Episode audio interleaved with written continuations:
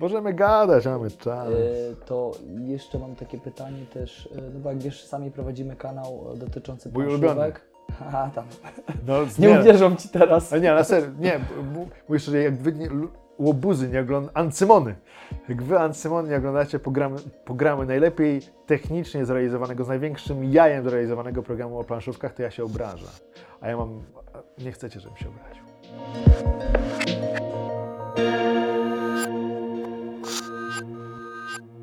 Ryszardzie, jak mógłbyś nam po powiedzieć, kim jest Ryszard Chojnowski właściwie? To ja, dzień dobry. Cześć. Cześć, bardzo mi miło. E, Ryszard Hojnowski to jest taki pan, który, już pan niestety, dostojny, który zajmuje się tłumaczeniami różnorakich rzeczy od dwudziestu kilku lat. E, No i to jest jego główne źródło dochodu, ale też hobby e, i pasja. I tłumaczy głównie gry, w tym gry planszowe, ale głównie zaczynał od gier komputerowych i RPG-ów i gier bitewnych, więc trochę tego było. N- Ale oprócz tego to jest osoba, która ma bardzo dużo różnorakich pasji i zainteresowań. Y, To takie bardzo mm, skrótowe podsumowanie tego indywiduum. Jak Ryszard Chojnowski stał się na przykład Grysławem? Grysław to jest w ogóle, mm, to jest nazwa mojego podcastu. I na, ta nazwa, y, to, to, nie, to, to nie był mój pomysł. Została mi zasugerowana, bo moja ksywka funkcjonująca od lat 25 już bodajże, to jest Rysław. A ta ksywka Rysław wzięła się z tego, że kiedyś graliśmy sobie z kolegami w taki system RPG, który się nazywał Ars Magica. I to jest system, który dzieje się w takiej magicznej wersji średniowiecznej Europy. I ja byłem, y, moja postać była żakiem na, uniwers na uniwersytecie w Krakowie, który wtedy powstawał, no, ale to był taki z katedrą magii oczywiście. I, i nie, nie miałem imienia jakiegoś żadnego. I jeden z kolegów powiedział, a wiesz, tak we- weź sobie ry i coś takiego słowiańskiego, o, Rysław. I tak, o, hmm, pasuje. I stąd się wziął Rysław i tak zaczął funkcjonować. Kiedy pracowałem, współpracowałem z wtedy projektem, to niektórzy myśleli, że tak mam na imię naprawdę i dostawałem e, przesyłki Rysław Chojnowski na przykład. No i kiedy zacząłem robić e, podcast, nie, nie wiedziałem jak go nazwać. E, I, I koleżanka Kasia, która pracowała w Rock Service FM, zasugerowała, wiesz, zrób z tego Grysław, no bo mówisz o grach, sławisz te gry, jest, są i gry, i, i, i Rysław, pasuje. No i został Grysław i to jest nazwa podcastu, ale y, zauważyłem, że sporo osób zaczyna, y, sporo osób z, ty, z tych komentujących za- zaczyna uważać, że to jest też moja ksywka, więc tak mówią o mnie Grysław. Czyli nie, można- nie mam problemów. Można powiedzieć, że Rysław to też Grysław, albo Rysław ma wiele twarzy w, w świecie gdzieś tam internetowym. W zasadzie, w zasadzie ta twarz jest cały czas jedna, no bo ja, mimo że na YouTubie tam coś nadaję od dawna, to robię to strasznie nieregularnie. Znaczy teraz jak jest Grysław, to regularnie, bo zacząłem wrzucać też audycje na YouTube'a, ale przedtem prowadziłem taki cykl angielski dla graczy, który jest chyba w miarę lubiany, ale jest z mojej winy bardzo nieregularny, bo mm, zebranie materiałów i, i zebranie się, żeby nagrać y, i powiedzenie wszystkiego tak w miarę płynnie, bez jąkania się, bez wycinek, bez zacinek różnorakich, sprawia mi czasami problem. Mam nadzieję, że dzisiaj tego nie będzie widać. I, i y, dlatego moja twórczość, że tak to ujmę na YouTube, jest bardzo taka dość nieregularna. Mam nadzieję to poprawić, ale nadzieja nadzieją, ale rzeczywistość rzeczywistością. Ja robię jeszcze mnóstwo innych rzeczy. Po prostu zajmuję się tyloma aspektami różnymi życia, że y, na te wirtualne nie zawsze starczy czasu. W takim razie e, Rysławie, czy też Grysławie, e, można powiedzieć, że mm, ukształtowały Ciebie gry i dlatego chcesz je sławić? Tak, tak, to jest, to jest dobre, dobre określenie, bo ja zacząłem grać bardzo wcześnie, bardzo, bardzo wcześnie, w latach 70. Y, Zacząłem się oczywiście od takich bardzo prostych planszówek, ale zawsze lubiłem gry i, różnorakie te, tego typu zabawy. Zawsze fascynowała mnie możliwość poruszania czymś na ekranie telewizora. Kiedy w 79 roku po raz pierwszy zobaczyłem Ponga, to Wtedy mój mały sześcio, sześcioletni czy siedmioletni umysł nie był w stanie wręcz ogarnąć, jak to jestem w stanie kontrolować tym, co jest na ekranie. I, I, marzyłem o tym, żeby móc zajmować się grami, żeby móc grać. Tak najpierw marzyłem o tym, żeby móc grać, marzyłem o, o Pongu. Udało mi się pożyczać od czasami od kolegi, który miał sprowadzoną z Węgier wersję Ponga e, i podłączać do takiego starego telewizora, do którego w zasadzie nie dało się tego podłączyć, ale znajomi elektronicy coś tam pomagali. Później marzyłem o ZX Spectrum, też pożyczałem od, od znajomych. Później w końcu dostałem w latach 80. Commodore 64. No i, i później była Amiga, najlepszy komputer świata. I od tej pory ta pasja no już 40 lat trwa i wcale mi się nie znudziła. Z tym, że jak już powiedziałem, ja zajmuję się jeszcze innymi rzeczami. Gry, gry to gry, ale nie zajmują mi całości, mm, całości czasu, nie zajmują mi całości życia. Są też inne bardzo interesujące rzeczy, jak podróże, jak dbanie o formę, jak rozwój swój osobisty. No, jest tyle rzeczy, którymi można się zajmować, że nie ma czasu na nudę. Na nudę. Czasami wręcz e, tęsknię za sytuacją, że mogę się ponudzić tak przez chwilę. No właśnie, bo z tego co mówisz, to jesteś, e, można powiedzieć, takim człowiekiem renesansu współczesnym, no bo zajmujesz się pasjonuje Cię kultura, szeroko pojęta, tak, prawda? Tak. Można powiedzieć, że istnieje coś takiego jak kultura gier, wideo, czy też kultura Moim gier zdaniem jak najbardziej. E, I tak jak kiedyś, gdzieś tam, nie wiem, może 20 lat temu to się kojarzyło raczej z, z czymś, co y, było to związane, co odganiało uczniów od y, dzieci, od, od, od szkoły, od nauki, e, prawda? Zostaw ten komputer i się ucz. E, tak teraz można powiedzieć, że, że, że to jest część kultury. Tak. Prawda? Czyli jednocześnie e, sławisz kulturę gier wszelakich. Wiesz, gry powiedzieć. otaczają nas ze wszystkich stron. E, tak jak wspomniałeś, jeszcze 20 lat temu to była swego rodzaju nisza. Teraz gry są obecne wszędzie, nawet czasami nie zdając sobie sprawy z tego, że gramy, gramy. Uczestnicząc w różnorakich akcjach w sklepie na przykład, zbierając punkty, żeby coś tam dostać. To jest gramifikacja jakiegoś elementu Twojego życia. E, wszelkie promocje to też są, to też są elementy czerpiące z gier. E, popularność platform mobilnych sprawiła, że każdy ma dostęp do gier i mnóstwo osób jest graczami innymi niż myśmy byli tam 20 lat temu takimi geekami siedzącymi w RPGach i strategiach, czy też w FPS-ach z głową w monitorach, ale teraz wszyscy praktycznie mają możliwość zagrania na, na swoim telefonie i wydaje mi się, że powstaje taka zupełnie nowa, nowy, odrębny gatunek graczy, graczy głównie mobilnych, graczy bardzo często są to y, kobiety, które grają w, w różnorakie gry typu nie wiem, Candy Crush, y, ale nie tylko, grają też w bardziej skomplikowane tytuły, ale głównie w wersjach, w wersjach mobilnych i to jest ogromna grupa ludzi. Wydaje mi się, że teraz większość, większość ludzi na świecie gra w coś. Mhm. No właśnie, bo jednocześnie y, mówiąc o tych grach, promujesz pewien styl życia też, prawda? No bo z, z, z grami jest związane to też jak funkcjonujemy na co dzień. E, mówi się na graczy, że, to są specyficzne persony, e, ale właśnie jak Ty poznajesz ludzi i graczy, to co możesz powiedzieć o nich, jacy oni są? Czy gry, gry ich jakiś, w jakiś pozytywny sposób zmieniają? No bo mówisz, sławisz gry, czyli sławisz właściwie co?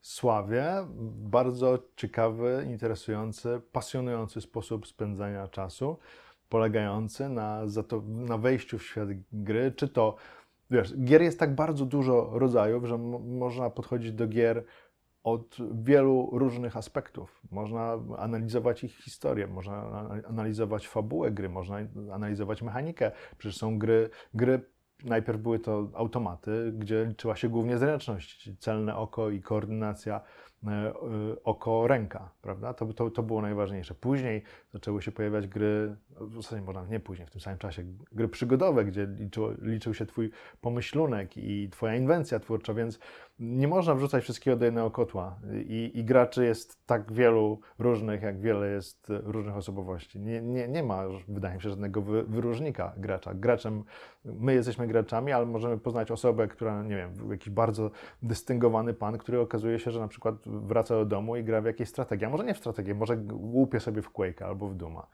Trudno określić na pierwszy rzut oka, czy ktoś gra.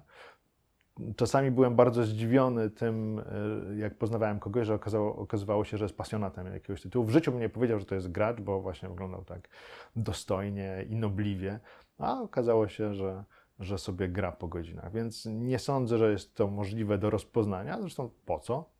Ważne, że tych graczy jest tak dużo i, i, to jest, bo to jest dobra rzecz, to jest dobry sposób spędzania czasu, podobnie, podobnie jak książki, podobnie jak filmy, bardziej angażujący zdecydowanie niż, niż te dwie rzeczy.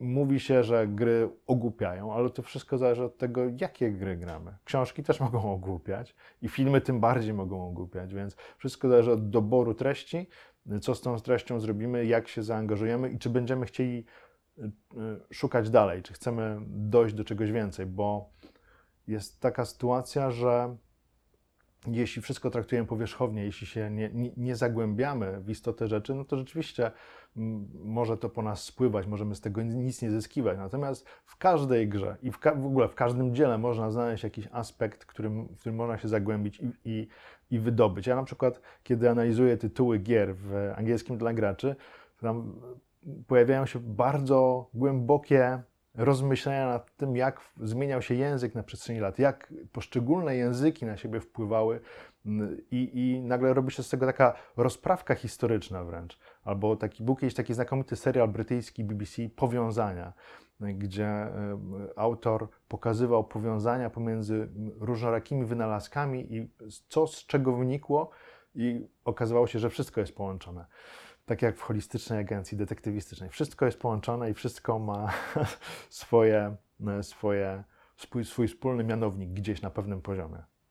No właśnie, mówisz, że w jakiś sposób e, gry Ciebie ukształtowały, e, ale ty, Twoja osoba też się zapisała w tej historii gier. Mógłbyś przytoczyć coś, z czego jesteś najbardziej dumny, jeżeli chodzi o jakby w kwestii tej przestrzeni gier wideo, bo mhm no bo Twoje nazwisko gdzieś już się zapisało w historii gier. Nawet jeśli chodzi o, o tą światową historię gier, coś tam się zapisałem z powodu mojej pracy niewielkiej przy pierwszym Wiedźminie. Miałem szczęście uczestniczyć w tym formatywnym okresie tego projektu, kiedy nastąpiła zmiana silników i, i wtedy byłem osobą odpowiedzialną w zasadzie za wybór Aurory, co może z punktu widzenia teraz nie było najlepszym wyborem, ale, ale dzięki temu wydaje mi się e, gra wyszła. No ale ja tam przy Wiedźminie pracowałem rok i 8 miesięcy chyba, coś takiego. Więc niezbyt długo, ale tak głównie zajmuję się tłumaczeniami jednak i, i przetłumaczyłem ponad 300 gier różnorakich chyba, może już nawet do 400 dobija. Od, w tym roku mija 20 lat mojej współpracy z firmą Blizzard bo w, dwa, w roku 2000 zacząłem pracę nad Diablo 2, więc to też taka mała rocznica, więc sporo ludzi pewnie grających y, na, na przełomie wieków znam je z takich tytułów jak y, drugi Baldur's Gate, jak Diablo 2, jak Heroesy od 1 do 4, Heroes of Might and Magic tłumaczyłem lub poprawiałem, bo y, nie wiem czy wiecie, ale Heroes of Might and Magic 3, najbardziej popularna do tej pory część tej gry miała, miała dwa tłumaczenia. Najpierw została gra wydana przez firmę Mirage, i to było takie dosyć dziwne tłumaczenie pod względem doboru glosariusza, do, doboru terminów i miało, miało problemy techniczne. I w pewnym momencie, chyba w 99 albo w 2000, CD Projekt przejął mm, aktywa mirażowe, jeśli chodzi o, o licencję i chciał wydać ponownie e, Heroesów i dostałem ich, żeby sprawdzić, czy, czy trzeba coś poprawić. No i skończyło się na tym, że przetłumaczyłem w zasadzie od nowa i, I, są dwie wersje. Znaczy, ta dominuje, tak praktycznie wszędzie można znaleźć tą CD projektową, moją w cudzysłowie, ale gdzieś pewnie jeszcze na jakichś aukcjach Biały Kruk, wersja mirażowa, można sobie porównać różnice, bo, bo, bo są spore. Z innych tytułów, Planescape Torment y, to jest dosyć taki słyn, dosyć słynna gra. Oczywiście to, y, chciałem zaznaczyć, że to nie ja robiłem sam. Zawsze, praktycznie zawsze to był zespół. Akurat Heroesów to w zasadzie robiłem sam, ale tak, takie gry jak, jak Torment czy Baldur's Gate to zawsze był zespół ludzi, ja byłem po prostu ich szefem i, i tłumaczyłem chyba najwięcej wtedy z, z, tego zespołu, ale absolutnie nie przypisuję, nie przypisuję sobie w żadnym wypadku e, tłuma roli tłumacza całości, bo tak nie było. Wiesz, ja jestem wielkim fanem Diablo 1 mhm. i 2. I w Diablo 2 znalazłem taki smaczek językowy. Oj, tam jest tyle błędów. Ukryta skrytka. tak, ukryta Oj, ukryta Oksymoron to jest chyba. Tak, to jest to, to pleonazm w zasadzie. Pleonazm. pleonazm. Ukryta skrytka, tak. Powiem, e, ja powiem skąd się wzięła ukryta skrytka. To jest śmieszna historia, bo po angielsku to jest hidden stash, czyli ukryta skrytka. to, to po angielsku też jest pleonazm w zasadzie, nie? mniejszy niż w polskim. I była ukryta skrytka, która została bardzo szybko, e, to było bardzo szybkie tłumaczenie, zostało wrzucone, g- gramy i tak coś nam, co, coś nam nie, nie pasuje. Wywalmy to ukryte, zostawmy skrytka. No i b- jak, testowaliśmy, była, była cały, cały czas ta skrytka i dosłownie y, w dniu składania finalnej wersji nasz wspaniały, w cudzysłowie, inżynier, który tam pracował z ekipy, z, z ekipy firmy Havas, bo wtedy firma Havas się tym zajmowała. To była firma, która później została wykupiona przez Vivendi. No i Vivendi teraz jest e, współudziałowcem Blizzard Activision, czy Activision Blizzard. Wtedy to była firma Havas i jeden z inżynierów, y, stażystów w ogóle, dostał polski projekt, najtrudniejszy. Y, Pomyliły mu się pliki i wstawił pliki sprzed poprawek, tak jakieś, nie wiem, dwa miesiące wcześniej, więc tam w grze jest więcej rzeczy. Jest na przykład topów. Zamiast, jest, jest, jest, zamiast topór jest topów. I, I jest sporo błędów, które później udało się poprawić w dodatku Load of Distraction, bo podmieniliśmy, no tak 90% tych błędów udało się poprawić.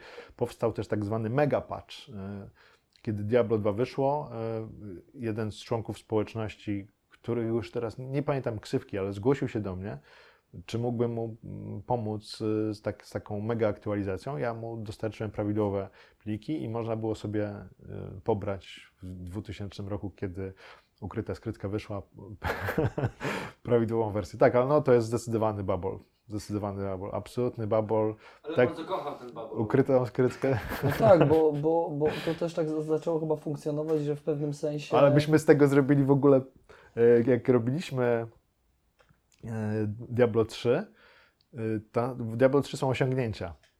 I jest takie osiągnięcie, y, które myśmy nazwali Ukryta skrytka 2000, coś takiego. Czy że za, za otworzenie 2000, dwu- 2000 skrytek można uzyskać ukrytą skrytkę 2000. Mało osób się zorientowało, do czego jest to nawiązanie, ale to nawią- nawiązanie jest. Zresztą tam w osiągnięciach, nazw osiąg- nazwach osiągnięć jest sporo takich żarcików, też w nazwach legendarnych przedmiotów. I no, Diablo 3 moim zdaniem bardzo fajnie już wyszło. Bardzo. Jestem zadowolony. Bo w Diablo w ogóle jest dużo takich właśnie żarcików, prawda? Więc ta, ta Tak. ukryta skrytka, nawet jeżeli była babolem takim... Była jakby, babolem, tak, była To, babolem. to uważam, że ona jakby wpisuje się w te różne jakieś tam... Jakby... E, Żarty, żarty. Żarty. żarty są fajne, kiedy nie są, nie rozbrzmiewają zbyt często. Kiedy widzisz, e, kiedy słyszysz jakiś żart cały czas, zaczyna ci się, się nudzić, a później zaczyna cię irytować. I tak wydaje mi się, mogło być z ukrytą skrytką. Gdyby była tylko jedna taka ukryta skrytka w, całym, w całej grze, to nie byłoby problemu. A jak były w większej liczbie, to niestety moim zdaniem było to mm, coś wymagającego poprawy. Zdecydowanie, zdecydowanie. No właśnie, tak powoli zmierzamy do, do momentu, kiedy zaczniemy sobie mówić o grach planszowych, bo, e, bo mówi, mówisz, wyrosłeś, gdzieś tam ukształtowały Ciebie gry wideo, I planszowe też. i, ale też planszówki, prawda? I kiedy to się nastąpiło, że jakby, no bo to wszystko jest w takim splocie, w symbiozie, prawda? No bo ogólnie mówimy o grach. Mm, y, I kiedy był ten taki przełomowy moment, kiedy pomyślałeś sobie, że y, gry bez prądu to też coś, co może być super przeżyciem? Najpierw, najpierw, najpierw były gry bez A, prądu, bo, nie miałem dostępu do gier y, wideo, bo ja się z planszówkami zetknąłem, wiesz, jeszcze w przedszkolu tam w 74, nie, czwartym, nie, szóstym, siódmym, wiesz, jakieś grzybobrania, Chińczyki i to było też w domu. Warcaby, ja później jak byłem w podstawówce w 80 roku, zacząłem uczęsz- uczęszczać do klubu szachowego i przez trzy lata dzielnie się uczyłem gry w szachy i moje dziewięcioletnie ja pewnie skopałoby mi teraz e, tylną część ciała bez żadnych problemów, bo, bo wtedy, wtedy umiałem, znaczy umiałem, uczyłem się gry, grać szachy i całkiem nieźle mi szło. M, Teraz tragicznie, teraz znam ruchy na przykład, ale szachy były ważne, bo nie było innych planszówek za bardzo dostępnych tak łatwo, oprócz takich typu rzuć kostką i gdzieś pójdź. Później na całe szczęście pojawiła się firma Ankor i Labirynt Śmierci, który był takim zetknięciem e, z, z zachodnimi grami po raz pierwszy i to było coś otwierającego oczy. W świecie młodych pojawiały się także artykuły na temat gier planszowych i takie bardzo proste planszówki, też często rzuć kostką i, i coś tam zrób, jak na przykład em, węże i drabiny chociażby. Można było sobie wyciąć ze świata młodych albo grać po prostu na, na stronie ze, ze świata młodych. Jak ktoś nie wie, co to jest świat młodych, to jest taka, e, takie pismo dla nastolatków, które wychodziło od lat 50. do początku 90. i ja je przez całe lata 80. kupowałem namiętnie, no bo to było jedno z głównych źródeł wiadomości. No przede wszystkim był na ósmej stronie komiks i komiksy się zbierało, wycinało i wstawiało e, do albumów e, i gdzieś jeszcze, gdzieś jeszcze te wycinki mam. W każdym razie w świecie młodych coś takiego było i było w piśmie razem. Pan Jacek Ciesielski był takim propagatorem gier planszowych, a później także gier fabularnych i on pisał bardzo dużo na, ten temat i mm, był, był także twórcą gier planszowych, i, twórcą gier planszowych i paragrafowych, bo stworzył taką grę e, Fantasolo, e, Dreszcz, znaczy najpierw był Dreszcz i Goblin. To były takie dwie, dwie gry wydawane w piśmie razem. Chyba w 85 roku, 6. E,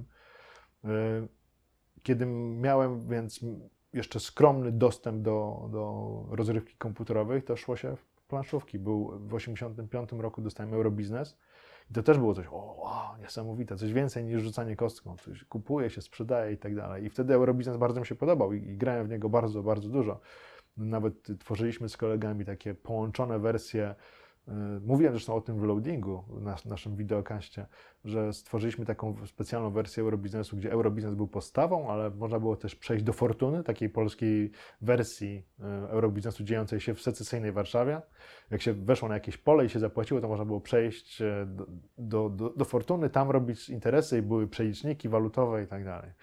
Jak na tam, nie wiem, ile myśmy wtedy lat mieli? 14? To, było, to, był, to był fajny całkiem pomysł. No i e, pojawił się Gwiezdny Kupiec też oczywiście, więc te planszówki były bardzo obecne, oczywiście nie w takim stopniu jak teraz, bo było ich mniej, były e, gorsze, były e, słabiej dostępne, gorzej wydane, ale, ale były cały czas. Odkrywca Nowych Światów, Odkrywcy Nowych Światów w 87 chyba też, to też bardzo ważna gra. Później zacząłem wchodzić w RPG, takie klasyczne papierowe RPG, czyli AD&D, trzecia, druga edycja jeszcze i Warhammer, e, który został w Polsce wydany chyba w 91 roku albo 92. Ze Cthulhu, takie rzeczy prowadziłem, mało prowadziłem, głównie grałem, ale, ale to, to było, był bardzo ważny etap mojego życia. No później w 93 wszedłem mocno w gry bitewne, tak mocno, mocno z przytupem. Zaczęliśmy u nas w mieście, w brzegu e, z kolegami mieć wręcz taką ligę e, Warhammer Fantasy Battle. Każdy z nas miał inną armię i spotykaliśmy się bardzo często i graliśmy.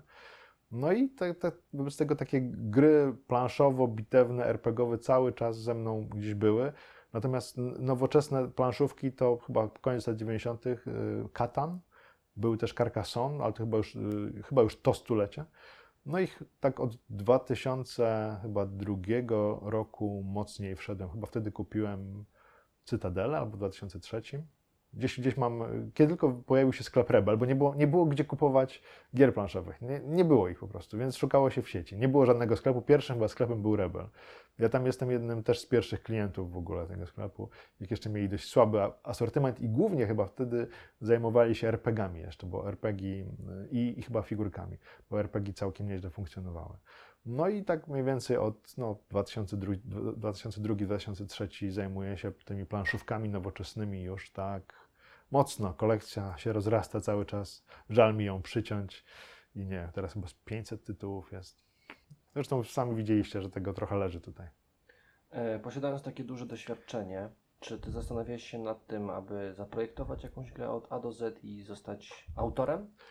Mm, chciałem powiedzieć nie, ale bym skłamał, bo prze, przechodziły mi takie myśli przez głowę. Powiem wam takie, taką anegdotę. Miałem jakiś miesiąc temu miałem sen.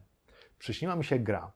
Przyśniła mi się gra, że zrobiłem grę o rotmistrzu Pileckim, który w, organizuje w e, Auschwitz ruch oporu. I my byliśmy pomocnikami rotmistrza i musieliśmy pomóc mu zorganizować jak najwięcej jak najwięcej współpracowników. I, no i tam i, i we śnie wszystko miałem opracowane. Obudziłem się i, i, pamiętałem tylko, że chciałem zrobić grę o Rotmistrzu Pileckim, więc pamiętam, że się zagrywało karty, coś, były jakieś akcje specjalne. Nie pamiętam dokładnie, jak to się robiło, ale była prosta mechanika. Może ktoś usłyszy i podchwyci, do, dobrze byłoby spopularyzować postać Rotmistrza nawet w taki sposób. Czyli pojawił się sen, ale nigdy nie miałeś takiego momentu, że, że chciałbyś coś stworzyć. Mm, wydaje mi się, że w pewnych kwestiach jestem bardziej konsumentem niż, niż twórcą.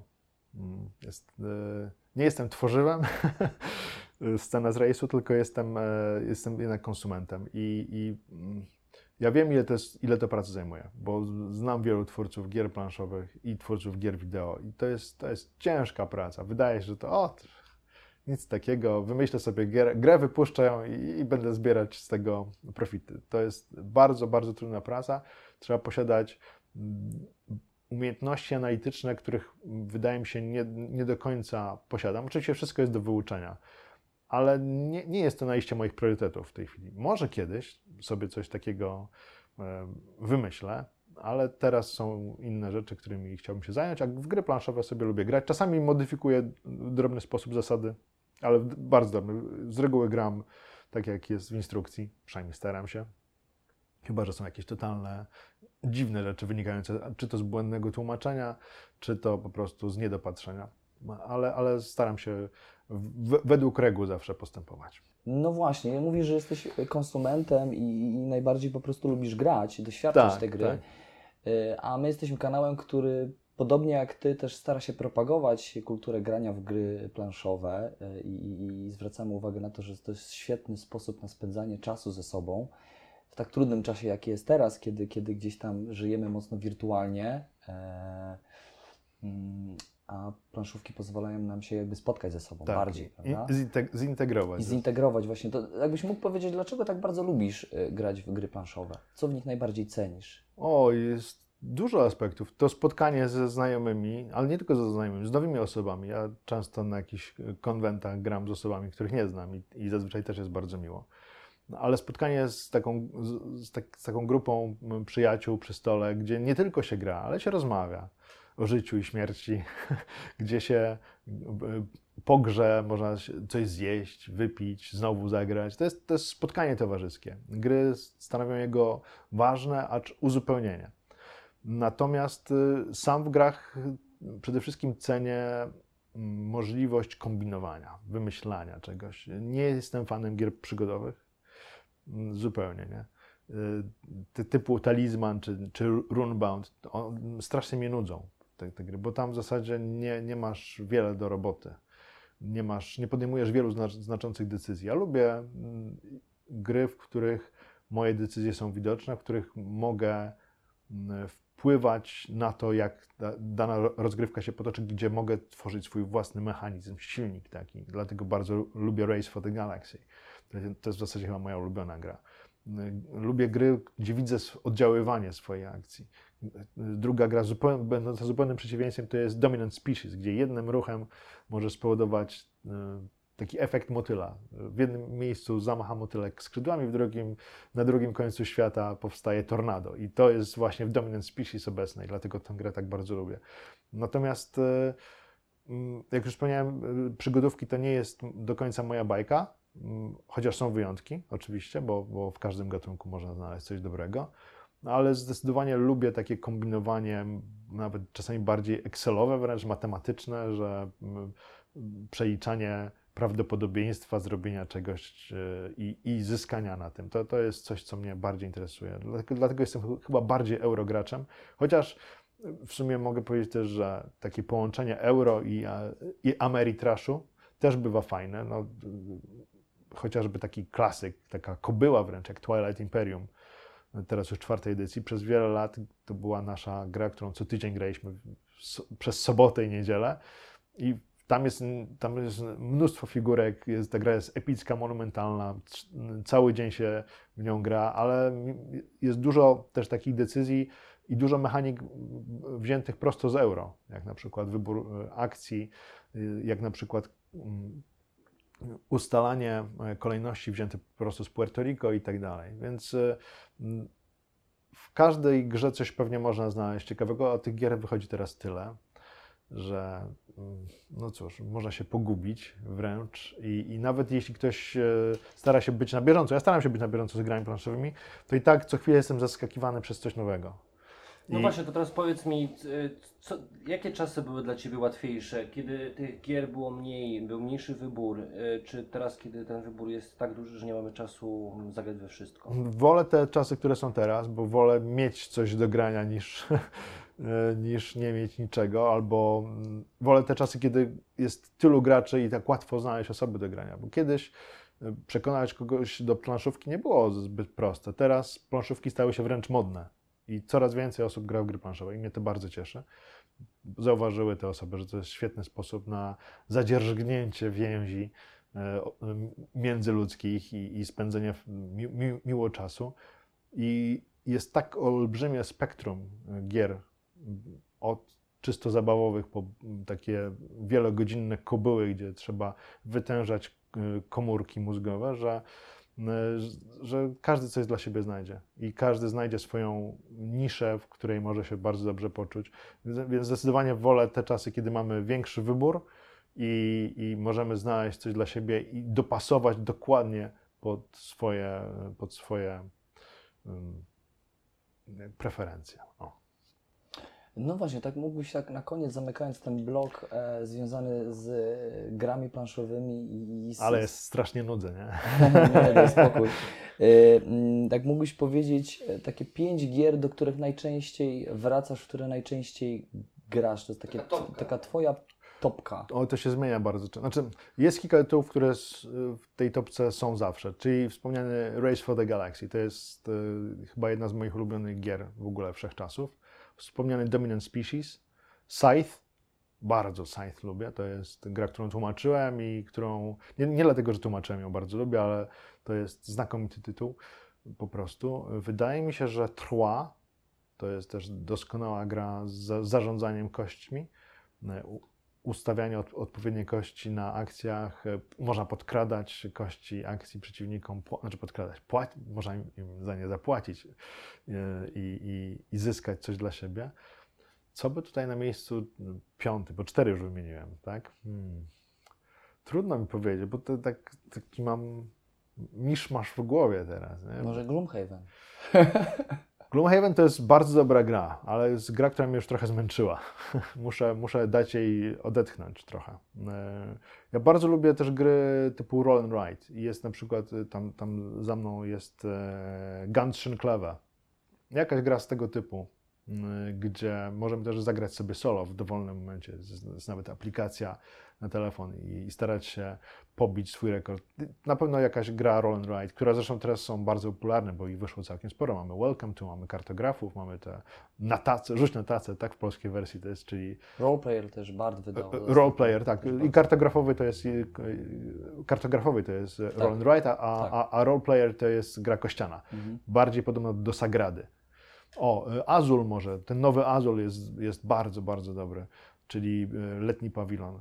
Y, Maracaibo, świetna gra, kolejna, też teraz będzie w polskiej wersji językowej. I w zasadzie mógłbym tak, że siódmy, o, siódmy kontynent, siódmy, siódmy kontynent, właśnie zobaczyłem, że tam jest. Macham mu, siódmemu kontynentowi. Siódmy kontynent to byłaby gra, którą bym dał też. To jest gra przygodowa właśnie niby, ale tak fantastycznie zrealizowana, y, że mm, wprowadza wyjątk, bardzo duże emocje i mnóstwo ciekawych mechanik, które do tej pory może były wykorzystywane, ale nie, w taki sposób jak w Siódmym Kontynencie, bo w Siódmym Kontynencie y, zagrywamy karty, które tworzą nam mapę tego mitycznego siódmego kon- kontynentu i poruszamy się co, coraz dalej, coraz dalej. I te karty służą nam też do zagrywania akcji y, albo właśnie do, do, do tworzenia mapy i mamy w zasadzie takie mm, bardzo ciekawe spojrzenie na grę niby paragrafową, ale z dodatkowym smaczkiem, bo po- pod względem, pod względem graficznym, jak to się pięknie nam rozwija. Tak, Siódmy Kontynent to jest gra zdecydowanie warta polecenia. E, Ostatni raz jak się widzieliśmy, mówiłeś, że wybierasz się do SN. Tak. Teraz jesteśmy już po, Jesteśmy PS. po SN. E, e, Tak jakbyś mógł, nie wiem, w kilku zdaniach Twoje wrażenia, bo byłeś po raz pierwszy. Byłem po raz Jak pierwszy. to mniej więcej u Ciebie to wyglądało? Jakie są Twoje odczucia?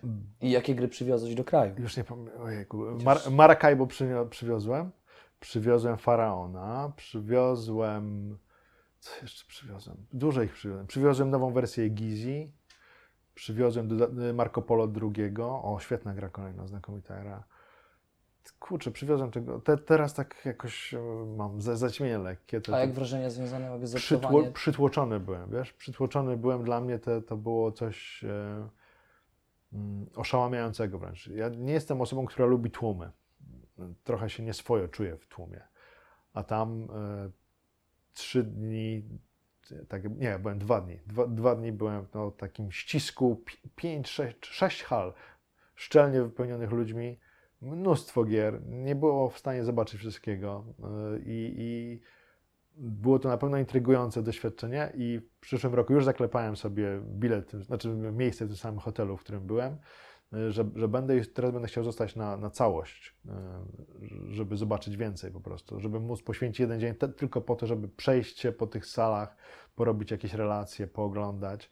Y, Albo może nawet poświęcić jeden dzień, jedna sala, bo, bo i, i tak wtedy wszystkiego nie zobaczę. To jest tak olbrzymie, to są tak olbrzymie targi, że mimo, że wcześniej byłem na naprawdę dużych im- imprezach growych, na E3 chociażby, to e, moim zdaniem pod względem wielkości to E3 jest znacznie mniejsze niż e, Essen. Essen można porównać do innej niemieckiej imprezy, czyli do Gamescomu. Z, tego powodu, z, tych powodu, z powodu tłumów, które tam się pojawiają, bo są imprezy otwarte. Nat- na- na- Natomiast E3 to jest, czy teraz już nie, ale e, przez wiele lat to była impreza zamknięta, tylko branżowa i z tego powodu było tam trochę tych ludzi mniej. Chociaż też były tłumy. Natomiast to, co się dzieje na Essen, no czasami trzeba iść, wiesz, tak ściśnięty, masz przed sobą walizkę na gry, bo bardzo dużo osób z walizkami na No gry to już ludzie z przychodzi. paletami wychodzą. Tak, nawet, tak, to- tak. Są palety, walizki, wózeczki ciągnione. To jest, to jest bardzo ciekawe.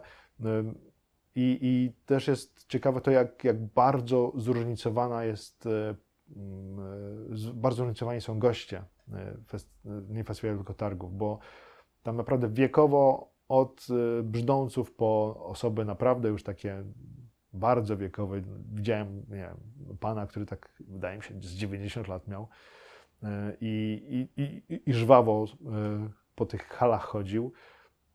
Mnóstwo ludzi z całego świata, mnóstwo gier. e, Czasami trzeba się zapisywać wręcz na to, żeby jakąś sesję e, taką mm, próbną odbyć. Bardzo ciekawe doświadczenie. E, Za mało mi, ale nie obraziłbym się, gdyby było mniej ludzi. Najlepiej chciałbym taki jeden dzień mieć.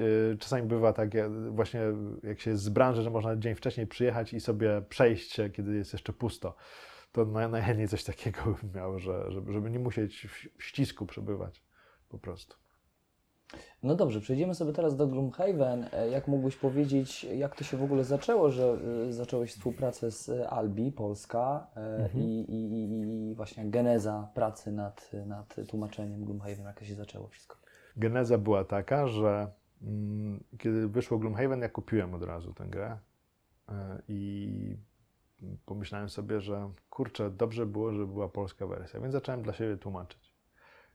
Moje, moi współ, współgracze średnio sobie radzą z angielskim, więc to była taka pomoc dla nich, więc najpierw przetłumaczyłem rzeczy, które były mm, najbardziej potrzebne, czyli tam jakieś cele i tak dalej. Część rzeczy już była wcześniej przetłumaczona przez ekipę inną, prze, przez kolegę Wojtasa bodajże i wrzucona na Board Game Geek. Ja też zacząłem tam wrzucać swoje rzeczy.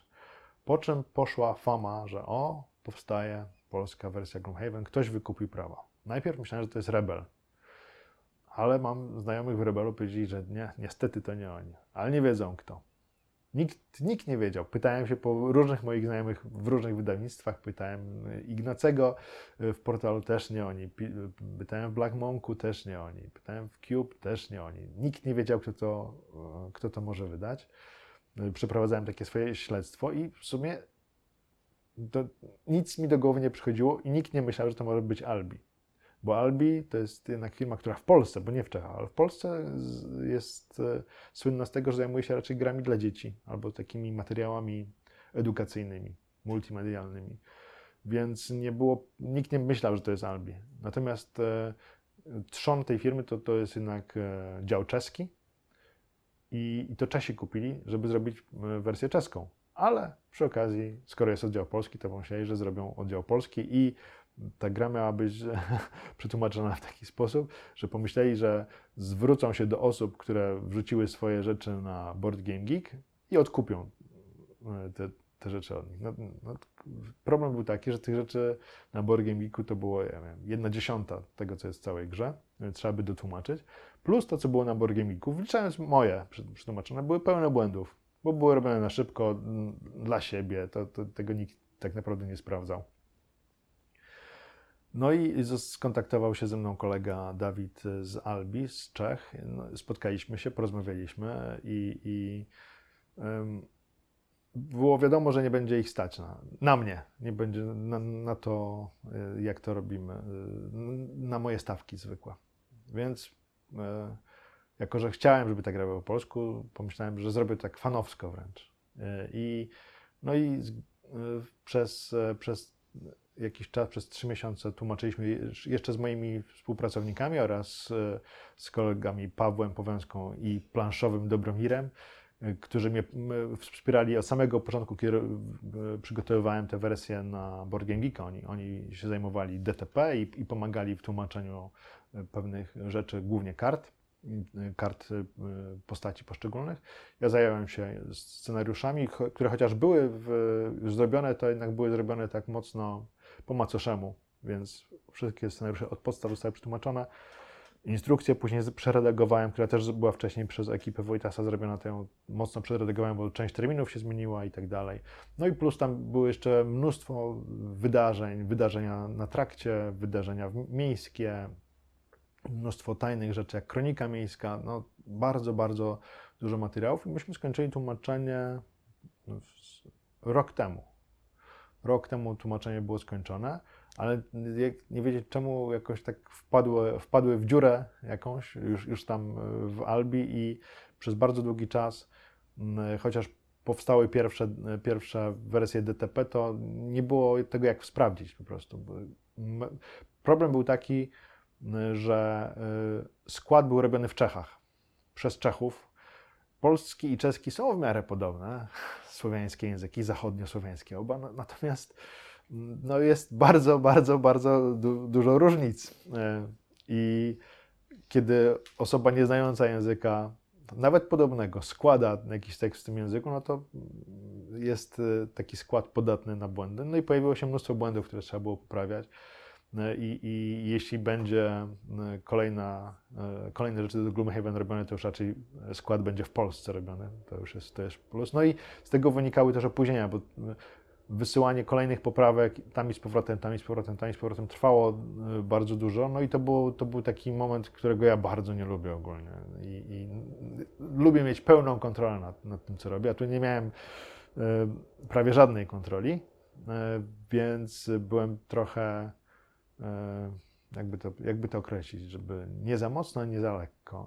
y, Trochę zirytowany tą sytuacją. O. Y, Natomiast udało się wszystko doprowadzić do końca udało się wszystko sprawdzić. Tam jeszcze e, koleżanki z polskiego Albi serdecznie pozdrawiam, e, które bardzo się przejęły e, tym, tym projektem. E, Miały jeszcze ekipę, która grała w to i, i sprawdzała teksty i też dzięki, dzięki e- ekipie testerów udało się większość bab- baboli wy, wyłapać, bo z tego co wiem, byłem, bardzo się bałem, bardzo się bałem wydania tej gry, ale z tego co wiem nie ma większych e, problemów. Oczywiście są jakieś tam literówki, tam jest mnóstwo tekstu, e, jak już mówiłem, składanego nie przez naszych rodaków i jest, są, są jakieś błędy typu podwójne cudzysłowy, sam znalazłem tego, tego kilka. Są e, przecinki w niewłaściwych miejscach czasami, ale to, to, to nie są błędy, które wpływają na odbiór mechaniki gry i odbiór gry jako całości. Natomiast e, teraz e, dzięki temu polskiemu wydaniu coraz więcej osób może skorzystać e, z głębi tej gry i, i z tego, y, co ta gra zapewnia. Zapewnia moim zdaniem znakomitą mechanikę. Me- Mechanika jest świetna. Natomiast grając y, i, i tłumacząc i wi- widząc, co tam się dzieje fabularnie, byłem rozczarowany trochę. Przyznam, że, że mm, pan Isaac Childs miał świetny pomysł na świat, bo, bo te rasy, które są w Gloomhaven, są zupełnie nietypowe. To nie, to nie jest kalka z, z Tolkiena, prawda? Nie mamy tam żadnych elfów, krasnoludów, orków i tak. Tu mamy zupełnie nowe rasy, świetnie pokazane i świetnie pokazana jest ich odmienność. Natomiast to, jak się rozwija fabuła, no tu oczywiście nie będę żadnych psujów w, wkładał, z mojego punktu widzenia jest taka dość naiwna. O, tak, tak jakby to pisał całość, e, taki jakiś fan gatunku, ale niekoniecznie dobry pisarz. O, tak, tak bym to określił. I, i e, to, to, to, rozwiązanie fabularne trochę mnie rozczarowuje. Rozczarowuje mnie też to, że praktycznie w podstawce każda misja, może nie każda, ale 80% misji to jest zabij wszystkich przeciwników. I to zostało naprawione w bardzo dobrym dodatku, e, który możliwe będzie po polsku. Ale sądzę, że to jeszcze zostanie bardziej poprawione we Frosthaven, e, czyli tym pełnoprawnym drugim Gloomhaven, które, którego Kickstarter ma się rozpocząć w marcu i widziałem wywiad z, z Isaaciem, który prowadził Tom Vassell z Dice Tower temu zadawał sporo ciekawych pytań i, i Frosthaven w, wydaje się być taką grą naprawiającą większość niedostatków Gloomhaven. Bo teraz na przykład w Gloomhaven gra mój syn starszy, jego ekipa, oni mają już chyba większość, większość gry za sobą, z 60 scenariuszy pewnie, i doszli do takiego poziomu znajomości gry i wykorzystywania jej mm, luk pewnych, że są w stanie stworzyć postać, która na przykład zabija największego bossa jednym strzałem. I, I zgodnie z zasadami, tak? Nawet sprawdzali w różnych faku, czy to jest, e, czy tak może być, i okazuje się, że wykorzystując pewne luki w systemie można coś takiego stworzyć. No to też dobrze o nich świadczy, że wpadli w ogóle na taki pomysł.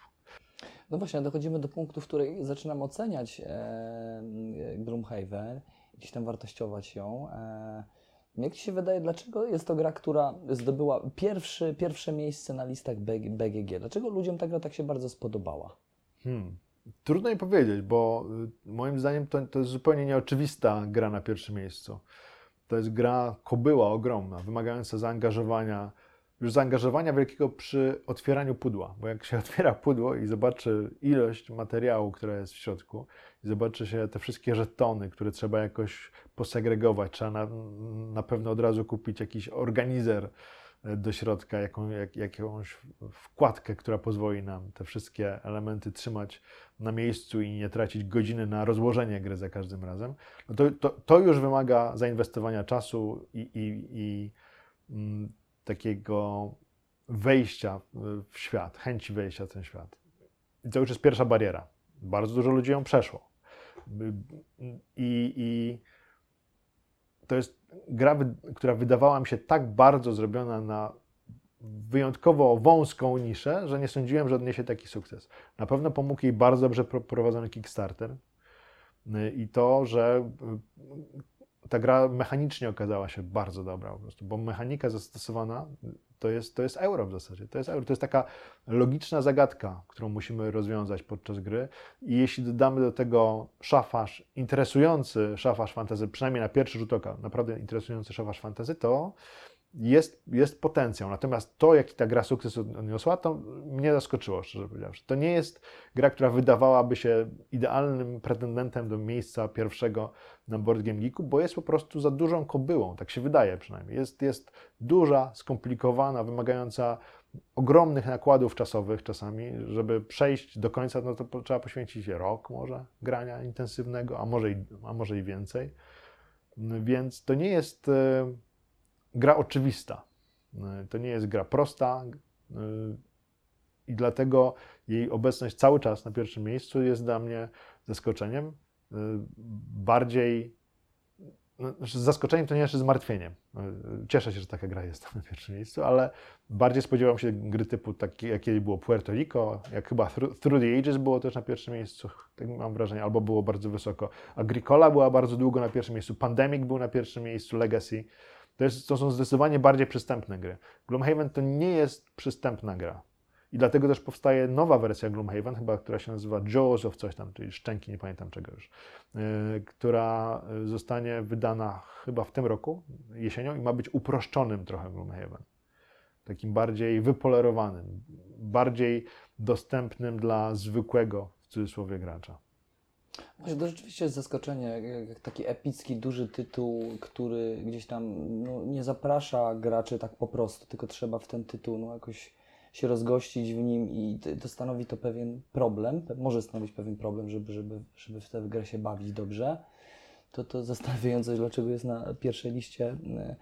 Ja też się nad tym zastanawiałem, a co uważasz, mm, jak myślisz? Czy ta gra właśnie pod względem mechanicznym proponuje coś innego niż inne tego typu gry gdzieś tam w tej sferze ameritraszowych gier, przygodowych gier? No zdecydowanie tak. To jest zupełnie odmienna mechanika od 99% Ameritrashów.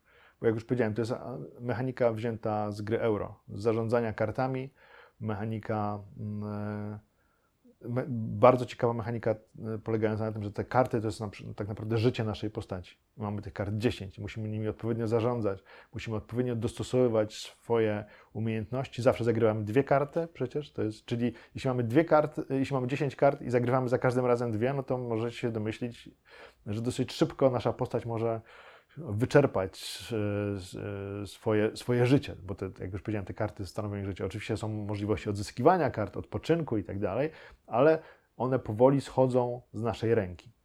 E, I z każdej karty wybieramy jedną akcję górną, znaczy z jednej karty wybieramy jedną akcję górną, z drugiej jedną akcję dolną. I połączenie tych akcji daje czasami bardzo ciekawe mm, kombinacje. Dodatkowo współpraca z innymi graczami, bo to jest gra kooperacyjna, ale nieoczywista współpraca, bo niby jesteśmy w kooperacji, a tak naprawdę podbieramy sobie skarby, tak? bo tutaj nie możemy dzielić się po grze skarbami. To jest tak, taka ciekawa mechanika, że nie możemy sobie przekazywać złota i tak dalej, której każdy sobie rzepkę skrobie. I Nawet nie ujawniamy swoich akcji. nie ujawniamy, tak? Nie, nie wolno powiedzieć, znaczy możemy powiedzieć ogólnie. Nie więcej. Tak, ja postaram się zrobić to i to w, tym i tym momencie, ale nie możemy powiedzieć dokładnie, kiedy to zrobimy, a każda karta ma na, ma na sobie cyferkę pokazującą segment inicjatywy, w którym dana akcja zostanie wykonana, to nie możemy tego powiedzieć, tylko musimy ogólnie opisowo stwierdzić, co zamierzamy robić. A możemy też skłamać, prawda? Nie musimy tego, chociaż to, to, by, nie było, to by nie było dobrym pomysłem, bo jednak mimo wszystko jest to gra kooperacyjna. Nie, mo, nie, nie musimy się tulić i być najlepszymi przyjaciółmi, ale e, nie możemy też być wrogami wbijającymi sobie e, noże w plecy. Musimy jakoś współpracować. I ta mechanika zagrywania kart to jest e, rzecz, która w taki sposób raczej w grach amitraszowych się nie pojawiła wcześniej. Zaz- Zazwyczaj, oczywiście też są karty, no, na przykład w takim Descencie, prawda, gdzie tylko, że tam mamy drugiego gracza, znaczy jednego gracza, który jest tym złym e, i przeciwko niemu gramy. To jest do, dosyć często spotykany motyw w grach ameritraszowych. Na przykład mamy Fury of, of Dracula podobnie. E, W mam- Dumie też. w Dumie, tak. E, Doom był w ogóle pierwowzorem, prawda? To, to, to była gra, która pojawiła się przed Descentem i to w Dumie po raz pierwszy został ten motyw e, wykorzystany. Miałem gdzieś kiedyś to pierwsze wydanie Duma, bo teraz już jest kolejne z, e, na podstawie nowej edycji Duma, zresztą znakomitej i w ogóle w marcu wychodzi Doom Eternal, już niedługo. Znowu będzie Też można wyżyć. Och, Nawet czekam Och. w wersji na Nintendo Switch, chociaż... ja na wersji, ja wersję na Nintendo Switcha wezmę, tak żeby móc po, pokazać, patrzcie do czego zdolni są ludzie. To jest, nie, to jest nie, ta gra nie powinna istnieć, ale istnieć, tak jak Wiedźmin na, na Switchu, nie? Ale będę grał raczej na Xboxie.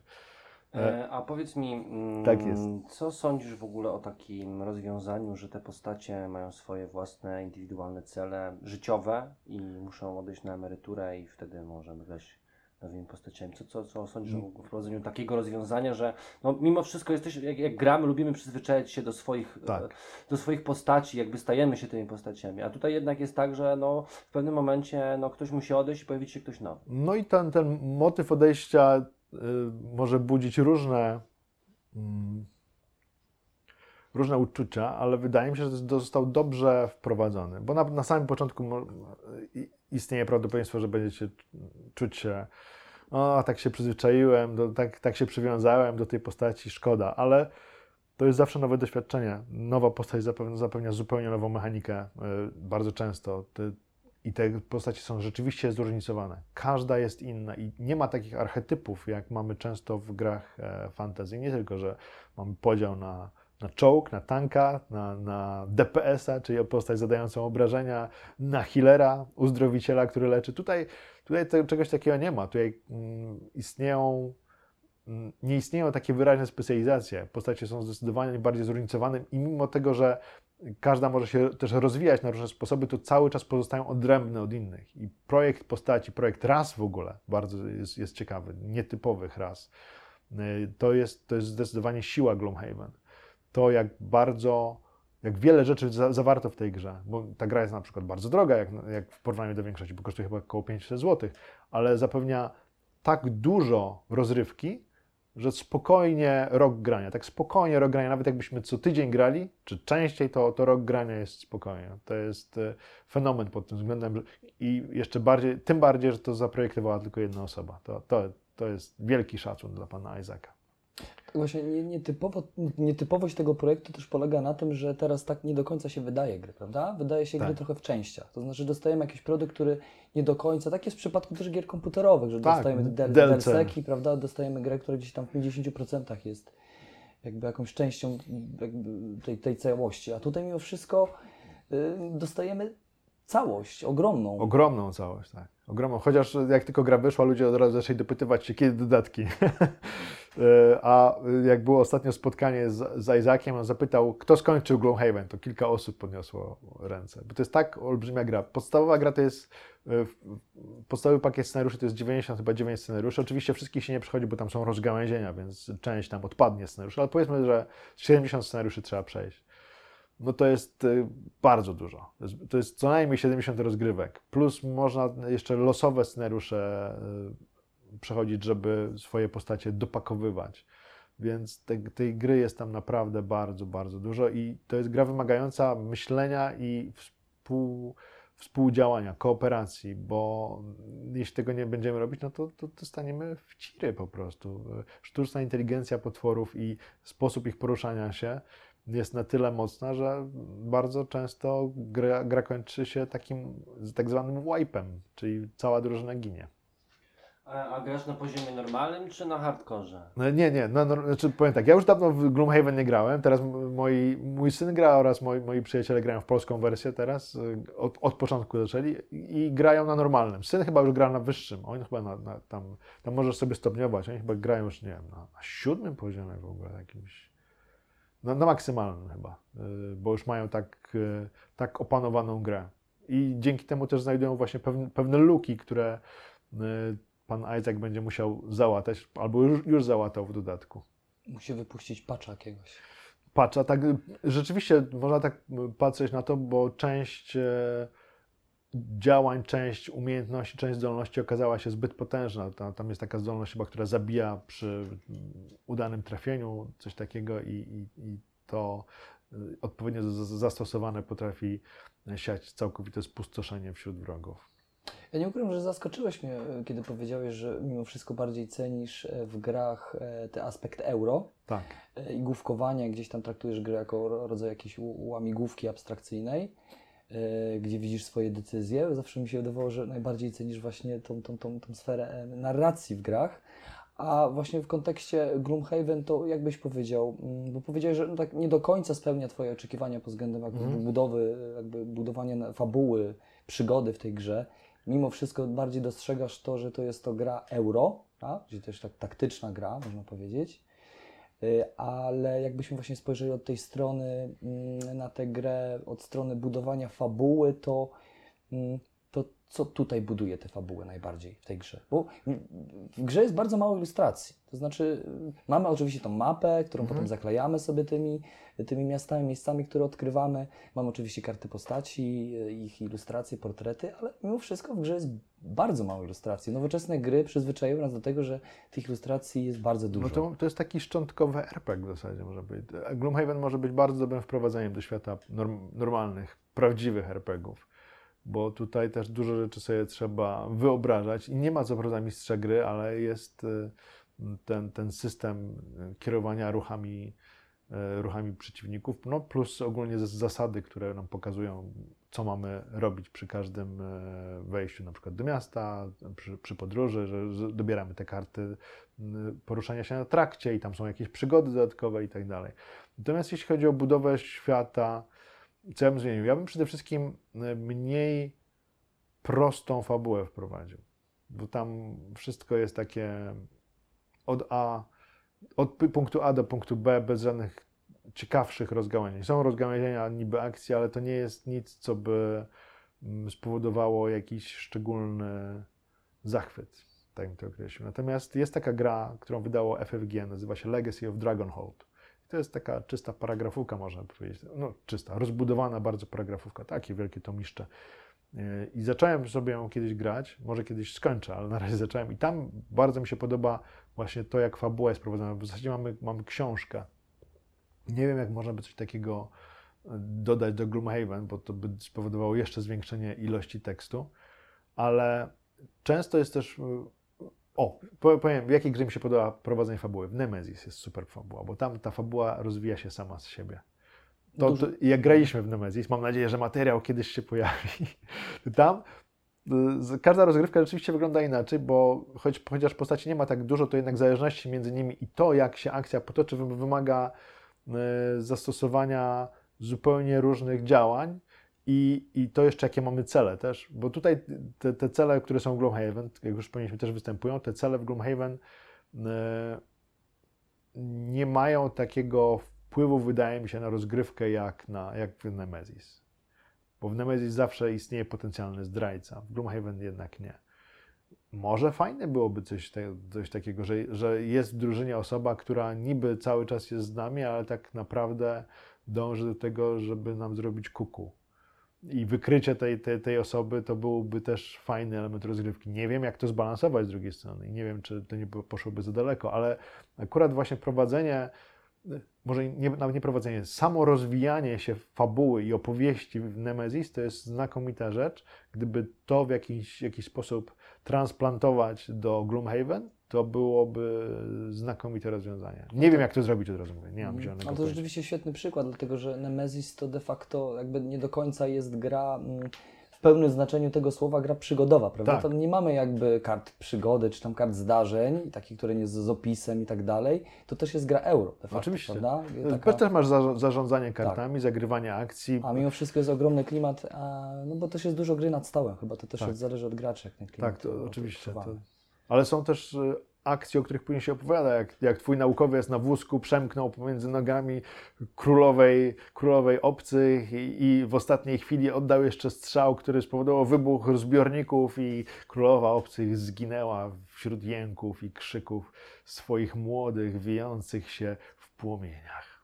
No właśnie, a wracając jeszcze chwilę do Gloomhaven i do tego, jak wspomniałeś, że Gloomhaven to w pewnym sensie, jeżeli dobrze Cię zrozumiałem, trochę taka symulacja gier RPG, gier papierowych. Po Że części tak. Że ktoś nie ma mistrza, prawda, e, i jak za bardzo nie, nie potrafi sobie odnale, odnaleźć się w, tym, w tych systemach gier RPG papierowych, to być może furtką do gier RPG będzie taki Tak. Gloomhaven. Tak, bo na przykład ekipa moich, moich przyjaciół, która grała w Gloomhaven, to jest dwóch starych RPGowców, którzy się w Gloomhaven od razu znaleźli i dwóch typowych eurowców, którzy nienawidzą w ogóle gier przygodowych i którzy Gloomhaven pokochali powodu tego aspektu euro. I oni, oni tak naprawdę traktują trochę może nawet jak rozgrywkę matematyczną. Tutaj ty się rusz tu, tu, tu i ty zrobimy to i tamto, ale bardzo im się ta gra podoba i obu tym grupom gra przypadła do gustu.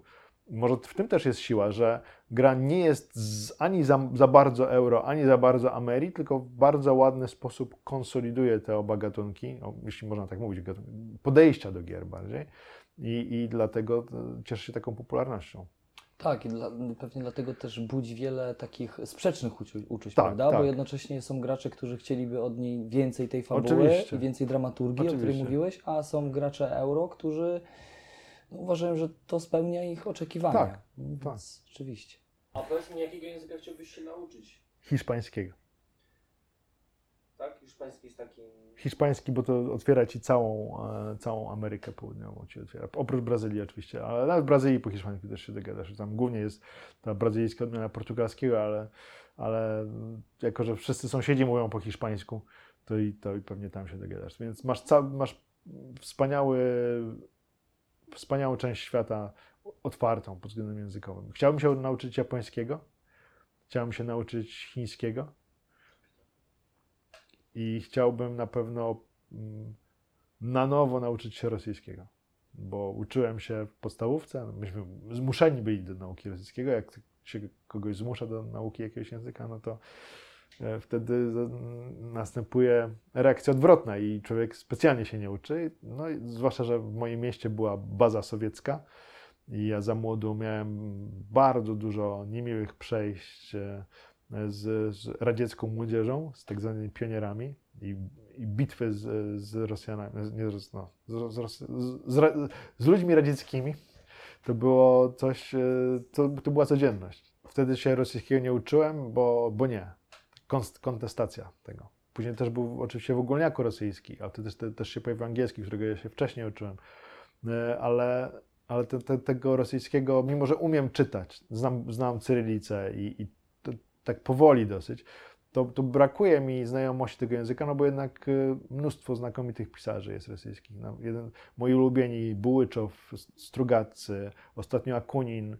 y, I chciałbym móc przeczytać to sobie w oryginale. Zresztą rosyjski tak, y, chociaż byłem przez całe życie, tak się nastawiałem negatywnie, no bo z powodów różnorakich, historycznych i, i, i osobistych, to jednak jest bardzo ładny język, piękny, śpiewny język i dobrze, dobrze go znać. Trzeba znać język wroga, tak swoją drogą. nie? Zdecydowanie. Właśnie skąd bierzesz wiedzę na temat y, tego, co się dzieje w świecie planszówkowym? Gdzie szukasz? Może BGG głównie, wiesz? BGG, różne grupy. mm, Kiedyś była jeszcze chyba, taka strona Board Game News, ona została, Er- Erika Martina, ona została y, wchłonięta przez Board Game Geek. Ale Board Game Geek to jest taki gigantyczny konglomerat wszystkich informacji na temat planszówek. Jest też Reddit oczywiście, jest Facebook, z którego staram się tak korzystać bardzo mm, ostrożnie i pewnie z czasem wyciszę się na Facebooku zupełnie. Znaczy nie- moja strona fanowska, tylko ja jako Ryszard Hojnowski, bo to jest jednak zbyt duża ingerencja w życie, ale, ale z drugiej strony nawet jakbym nie miał już żadnych informacji o grach planszowych do końca życia, to mam y, gier planszowych na granie do końca życia i jeszcze dłużej. Więc y, nawet czasami nie sięgam specjalnie po te informacje, tylko z- wiesz, jest Kickstarter, dostajesz jakieś informacje, o, no, nowa kampania, dostajesz informację, że twoi znajomi coś wsparli, nową kampanię i więc to się toczy. Cały, cały czas są jakieś nowe, nowe rzeczy. Czyli nawet jakbyś nie chciał, jakby od, chciałbyś odpocząć To musiałem, od informacji, to, to, musiałem się od, zniknąć. to musiałem od, nie no, musiałem się odciąć od sieci. I czasami myślę o tym, żeby sobie zrobić taki detoks i, zrezygnować, gdzieś pojechać w Bieszczady Mhm. i odpocząć od, od tej nawałnicy informacyjnej, bo z jednej strony to jest super, że mamy dostęp do wszelkich informacji w zasadzie na wyciągnięcie ręki, a, my a z drugiej strony to powoduje szum informacyjny, chaos i, i też prokrastynację, bo jest tyle rzeczy, które cię odciągają od tego, co masz tak naprawdę robić. A zerknę tutaj, a tutaj, o tutaj ciekawa informacja, tutaj, haha, ale fajny, fajny filmik, muszę podać dalej. No i wiesz, i nagle pff, dwie godziny. Co ja robię? Straciłem dwie godziny, a ja tutaj nie chcę zabrzmieć, jakimś matuzalem, bo nie jestem taki stary, ale przeszedłem już taki próg, że czas to jest, najważniejsza, to jest najcenniejsza waluta. Nie ma nic, znaczy waluta to jest nie, nie jest niewymienialny, to jest najcenniejszy zasób. Nie ma nic cenniejszego oprócz czasu i zdrowia. Więc wyrzucenie tego, tego szumu informacyjnego na jakiś czas może być e, chyba dobre i zastanawiam się, czy w ogóle nie, nie odciąć się albo bardzo ograniczyć to, co się dzieje w sieci, bo kiedyś zrobiłem taki eksperyment sobie, że na pół roku całkowicie przestałem używać e, Facebooka i czegoś tam jeszcze i moja produktywność wtedy podskoczyła bardzo do góry. Teraz też staram się ograniczać, ale no ale przychodzi to z trudem. To, to, to jest w pewien sposób jakiś nauk, można powiedzieć, taki, taki przyssanie do informa, in, informacyjnego cycka i, i, i ssanie tego mleka i, i dziecko odstawiane od niego nie chce być odstawione. Dop, dopiero kiedy jest e, nasycony, a, a trudno się nasycić tak naprawdę. Cały czas coś się pojawia. Trudno się nasy- nasycić, w szczególności jak jest się geekiem planszówkowym. Tak, no jak się jest geekiem w ogóle, wiesz, bo jak widzicie, tu, tutaj te, wokół, wokół mnie to akurat w tym pokoju planszówek nie ma wiele, ale jest dużo gier innych, jest mnóstwo komiksów, książek, muzyki, są wirtualia różne, bo jestem fanem też wirtualnych, e, wirtualnej rzeczywistości. No i są ciężary, tak, żeby nie zadbać o tym, że w zdrowym ciele zdrowy duch, że, że ciało jest świątynią i trzeba o nie dbać. Widzę, że potrafisz zachować balans mimo wszystko. bo- Staram się. Czy potrafię, to jest inne, inne pytanie. Staram się. Staram się. To jest bardzo ważne, żeby. mm, Wiesz, ja, ja miałem taki etap w życiu, że ważyłem 115 kg przy wzroście 1,76 m, 77 To dużo, dużo za dużo. I ja wtedy to był tak między 20, między 30 a 40. To był straszny okres, bo ja w zasadzie z niego nie, niewiele pamiętam. Te wszystkie dni były bardzo do siebie podobne. Cały czas pisałem, pisałem, pisałem. Yy, I z- musiałem coś zmienić, musiałem się wziąć za siebie i, i, i teraz e, to jest dla mnie bardzo ważny aspekt życia. I gdybym miał na przykład mm, czy zrezygnować z gier, czy zrezygnować z dźwigania ciężarów, albo z ogólnej aktywności, to pewnie z gier zrezygnował raczej. Tak, tak, mm, to, to by chyba było ważniejsze. Znaczy chyba, na pewno y, byłoby ważniejsze. Zdecydowanie. Ale dobrze, że nie musisz rezygnować. Nie, nie muszę, to, to mnie cieszy. Natomiast wiesz, wiesz, dostaję tutaj wybór. Albo rezygnujesz e, z, z dbania o, o, o siebie i aktywności fizycznej, albo z gier. No to z gier. No to z Mhm. gier. No właśnie, a, bo jest teraz bardzo dużo różnych kanałów planszówkowych, polskich, jest Mhm. mnóstwo zagranicznych. Są takie, bo wspomniałeś tutaj głównie o liście BGG, e, a oglądasz kanały planszówkowe? No was oglądam. I to, to, nie, to nie ma ściemy. Ja ich oglądałem zanim się poznaliśmy. E, oglądam czasami On Table z polskich. E, czasami Gambita oglądam. Chociaż nie, często się z nim nie zgadzam, ale szanuję jego, jego wiedzę.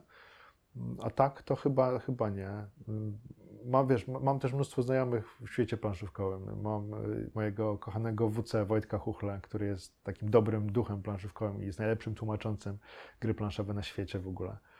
Y, I nie mogę się doczekać, kiedy w końcu przyjedzie. Bo on czasami odwiedza, ale teraz łobuz ma dużo pracy, więc jakoś, jak, Myślę, jakoś ja myślę może. że właśnie coraz częściej będziemy o Was słyszeć, w sensie o Was tłumaczach, tłumaczących gry, bo to też właściwie niedawno poja- zaczęły pojawiać się w ogóle nazwiska na pudełkach, prawda, gier planszowych. Powiem tak, w przypadku Albi, e, to, to, może to nieskromnie zabrzmi, ale im zależało na tym. Oni, bo mi szczerze tak powiedziawszy średnio zależało, żeby moje nazwisko e, się pojawiło, bo nie byłem pewien jakości. Ale na całe szczęście zobaczyłem finalny, finalny efekt i, i, i okej, jest moje nazwisko, nie tylko moje oczywiście, ale y, to nie jest dla mnie najwa- najważniejsza rzecz, żeby pojawiło się nazwisko, bo już robię to od bardzo dawna i, i tym już szukaniem siebie w liście płac już się zachłysnąłem swego czasu i, i, i to, to, to mi już wystarcza. Oczywiście, za, jak już powiedziałem, jest, jest to miłe. Zwłaszcza jeszcze dostać autorski egzemplarz, nie? Te, takiej wielkiej gry jak Gloomhaven. No ale, ale czy ja wiem, czy o tłumaczach będziemy słyszeć więcej czy, i czy nasza praca jest tak bardzo mm, Ja myślę, że mówi się nawet w kwestii y, gier wideo, no chociażby dubbing. e, Dubbing tak, aktorzy tak, ale tłumacze, e, tłumacze cały czas pozostają w cieniu. Ja na przykład, o mnie trochę osób słyszało, pewnie o Januszu Mdzigodzie trochę osób słyszało, dlatego że my najdłużej to robimy po prostu. Tylko dlatego chyba. Nie, nie z powodu naszej nie, nieprawdopodobnej charyzmy, Mhm. tylko z tego powodu, że jesteśmy na tym świecie dosyć długo i mieliśmy już okazję się wypowiadać o grach nie tylko o grach i mm, o różnych innych tematach. I mam nadzieję, że nie zanudzamy tak do końca. Tak? Widzę pytanie. Tak, następne. jest pytanie.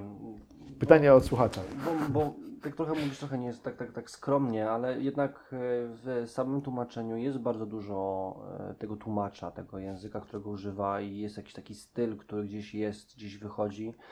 E, I, I może trzeba zacząć traktować tłumaczy jako współautorów mimo wszystko. Bo jedno, wiesz, ja nie jestem tłumaczem Mhm. e, i, jakby też korzystam już bezpośrednio z rzeczy, które zostały zrobione, ale często mam możliwość porównania angielskiej i polskie, polskiej wersji. No i jednak widzę te różnice, które powodują to, że jednak jest to rzecz inna niż angielska. Mhm. No tak bardzo często, się to właśnie deprecjonuje, w sensie, że tłumacz to jest ktoś, kto jakby przekłada z jednego języka na drugi. I każdy to może zrobić. I każdy może to zrobić, prawda? A- Najlepiej automat, najlepiej Google. No właśnie, jeden do jednego, a, a jednak nawet w przypadku jakby książek, książki to też jest dobry przykład, że, no, że, to, że to nie jest tylko jeden do jednego po prostu słownikowe jakby podanie. A co, co ciekawe, to jest taka mała anegdotka, bo jak już jak się ze mną rozmawia, to wiecie, że rzucam dygresjami non stop i odchodzę od tematu czasami, ale bardzo ciekawa anegdotka dotycząca tłumaczenia jeden do jednego. Jest, był sobie taki pisarz, bardzo słynny, słynny pisarz, e, Władimir Nabokow. I on swego czasu popełnił esej o tłumaczeniach. I według niego, według pana Nabokowa, jedyne tłumaczenie mm, dopuszczalne to jest tłumaczenie jeden do jednego, czyli słowo za słowo. I on nie dopuszcza niczego innego, a jeśli, jeśli ktoś, jeśli ktoś nie, nie akceptuje jego rozumowania, jest głupi ogólnie, tak wynikało z tego eseju. Natomiast to, to podejście, tłumaczenie słowo za słowo jest absurdalne całkowicie, no bo umyka mnóstwo innych warstw i, i y, zbitki słowne nagle zaczynają znaczyć coś zupełnie innego. Idiomy przestają być ważne w takim tłumaczeniu, czy przestają, przestają mieć znaczenie jakie, jakiekolwiek. Więc takie podejście do tłumaczenia słowo za słowo, które stoi za większością systemów tłumaczeń automatycznych, jak na przykład Google, Translate e, i które to tłumaczenie jest bardzo podatne na błędy, szczególnie przy językach tak wysoce fleksyjnych jak polski, no to tak, to, to osoba tłumacza jest ważna. Osoba tłumacza jest ważna, natomiast nie sądzę, że powinna wypychać się na piedestał. Ym, Dobrze jest czasami posłuchać tłumaczy, bo z reguły są to osoby, ym, które wiedzą, co mówią i mają dosyć szerokie horyzonty z tego powodu, że tłumacząc musisz być, jak już wspomniałeś na początku, takim trochę człowiekiem renesansu. Trzeba wiedzieć coś z każdej dziedziny. A jak nie wiesz coś z jakiejś dziedziny, to musisz się douczyć. No, w języku jest wszystko zapisane, prawda? Język to świat w pewnym No, sensie. pe, pewno, Więc- słowo to świat. więc... Ale, ale jest jeszcze coś takiego, że ja wychodzę z założenia, że tłumacz powinien zabierać się za tłumaczenie tej działki, w której się czuje pewniej i na której się zna. Więc jeśli na przykład ja nie jestem tłumaczem medycznym i się raczej bym za to nie zabierał, dopóki bym nie spędził wielu miesięcy na poznawaniu terminologii medycznej i rozmowie z lekarzami i, i na przykład. Natomiast znam się na grach od wielu lat i wydaje mi się, że to jest najlepiej, kiedy ktoś tłumaczy coś, na czym się naprawdę zna i w czym siedzi. I, i podejrzewam, że tłumacz, e, nie wiem, przysięgły czy tłumacz techniczny, gdyby się zajął grami, to byłyby wyniki katastrofalne. Tak samo byłyby wyniki katastrofalne, gdybym ja się zajął na przykład już wspomnianymi tłumaczeniami medycznymi. Znaczy pewnie jakiś sens byłby, ale jednocześnie mnóstwo błędów. Tu też są spe, spe, specjalizacje. Można te specjalizacje jakoś rozszerzać i zdobywać wiedzę, ale najlepiej jest, jeśli to, co tłumaczymy, stanowi też Twoją pasję albo hobby. I tak jest w moim przypadku, z czego się bardzo cieszę, bo ja cały czas jestem aktywnym graczem komputerowym i planszowym i RPGowym, więc dzięki temu mam możliwość lepszego wejścia w, w, ten, w, ten, w materię tłumaczenia. Wolisz grać polską czy angielską wersję? To jest dobre pytanie. Jeśli jest dobra polska wersja, to wolę polską. Jeśli jest dobra polska wersja, to wolę polską, bo mimo, że władam angielskim całkiem nieźle, mogę powiedzieć, że władam na poziomie biegłym. Tak? Jak jestem na zachodzie i pobędę tam jakiś czas i, i sobie znowu przyswoję akcent, bo to nie jest tak, że, że, mm, że pojadę i od razu mówię z idealnym akcentem. Ja mam, ja mam taki powiedzmy wyspiarski akcent, ale wyczuwają, że, że, to, że coś jest nie tak. Jak, jak trochę tam pobędę, to przyswajam i, i robię taką pewną mimik, mimikrę i, i po pewnym czasie już, już mnie traktują jak swojaka. Więc mówię nieźle po angielsku, ale mimo, mimo to myślę po polsku. Jednak cały czas myślę po polsku. Jak, jak długo byłem w Irlandii w latach 2000, kiedy robiłem Diablo i by, był, było tylko angielski, to, to wtedy rzeczywiście miałem taki etap, że już tak irlandzkim nawet zaleciałem, że, że brali mnie za, za swojego, ja, ja używałem ich takich wyrażeń i, i to był taki etap, że rzeczywiście mm, nie, nie sprawiało mi różnicy w zasadzie. Ale mimo to ja kocham polski język. On jest tak bogaty, jest tak piękny, tak cudownie brzmiący i szeleszczący, że jeśli jest dobrze wprowadzony, to, to nie ma nic piękniejszego, no po prostu. Jak, wiesz, teraz wyszedł Wiedźmin, nie? Jak, jak czytam Wiedźmina pana Sapkowskiego, a później czytałem tłumaczenie, no to tak 40% czaru umknęło w ogóle. Nie ma, bo ten bardzo specyficzny język Andrzeja Sapkowskiego, mm, nie mówię, że jakoś cudownie wyjątkowy, ale wyjątkowy, wyjątkowy pod względem tego, że, że stanowi bardzo fajną mieszankę archaizmów i, i nowoczesności. Czasami takie y, mieszanki są niestrawne, a tutaj wyszedł cudowny konglomerat, który tak jak się, jak się konsumuje, to, to rozszerza wręcz oczy i, i daje mnóstwo frajdy. W wersji angielskiej próbowano to wprowadzić, ale, ale nie ma tego. Ponoć zostało to ładnie oddane w wersjach słowiańskich innych, czyli rosyjskiej i czeskiej. Natomiast w języku angielskim pewne rzeczy z natury muszą zniknąć, bo po prostu ich nie ma w angielskim. Nie ma na przykład form y, takich y, zmiękczających, jak na przykład, nie wiem, y, jak po, powiedzenie na, na, na, pieniądze pieniążki, tak? Albo na kapcie kapciuszki. My możemy tworzyć mnóstwo różnych form. W języku angielskim tego nie ma w ogóle. Nie, jest takie nagrametatywnie, jak była transmisja, mówiłem o takim zdaniu przykładowym, które jest w zasadzie nieprzekładalne na angielski. Wstałem sobie raniutko, założyłem y, moje kapciuszki i zjadłem pyszniusieńkie śniadaneczko. Nie jest, sens jest możliwy do przełożenia, natomiast specyficzny sposób. Atmosfery Atmos- tak. z- Jak, jak słyszymy coś takiego, to zastanawiamy się, kto to mówi. Kto to mówi. Już mamy pewne, pewien obraz postaci przed sobą. W angielskim trudno byłoby coś takiego przekazać. Bardzo trudno. A gdybyś miał podpowiedzieć twórcom Wiedźmina, tego serialowego Netflixowego, e, to tak zwane chędosz się, e, jak wersji angielskiej byś zaproponował, żeby oni się wydali? Oni, Bo- dali, oni cały czas dają fuck. Tak, cały czas. Cały czas. Y, Nie, angielski jest bardzo ubogi, jeśli chodzi o, o wulgaryzmy. Tu trzeba by pewnie pójść w coś archaicznego w języku angielskim także, ale słowo fuck mm, nie jest takie stare, ono pochodzi, ono XVIII wiek po raz pierwszy ch- chyba pojawiło. Nie wiem, teraz, teraz tak z, y, z głowy bym nie był w stanie powiedzieć, em, ale na pewno są takie słowa w języku angielskim, które by lepiej to oddały ni- niż przysłowie fakt, które jest używane z takim wytrychem, słowo wytrych, używane do wszystkiego. W języku polskim jednak mamy znacznie bardziej rozbudowane słownictwo wulgaryzmów. Zgadzam się, zgadzam się. Tak, żeby już jakby zamykać materiał taką klamrą y, związaną z Gloomhaven, y, to jeszcze ostatnie pytanie do Ciebie właśnie, a w kontekście tłumaczenia. Mm, czy zostawiłeś w tym tłumaczeniu taką jakąś swoją sygnaturę, jakby swoją osobowość tłumacza?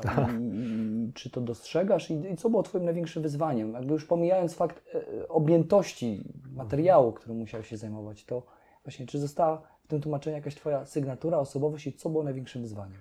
Ho, ho, ho.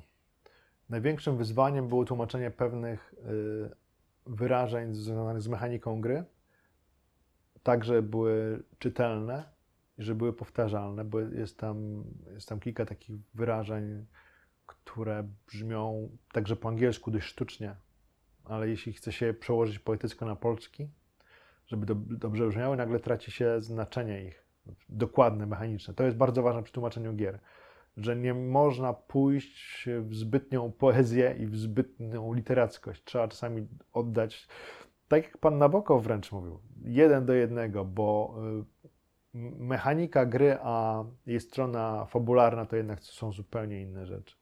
I, i te, te wszystkie kwestie mechaniczne trzeba było oddać bardzo dokładnie i to, to sprawiało y, pewien, pewien problem, żeby tam nie popełnić żadnych błędów, bo jeśli się popełni błąd, y, nie wiem, jakiś y, zł- zły dobór słowa w tłumaczeniu jakiegoś dialogu, to jest mały problem. Jak się popełni błąd w mechanice, który jest powtarzalny i powtarzalny i powtarzalny, no cała gra może się posypać. Więc, to dopilnowanie, żeby takich błędów nie było, to był problem. Problem były też elementy tajne, bo jak się gra w Gloomhaven, tam jest dużo zagadek.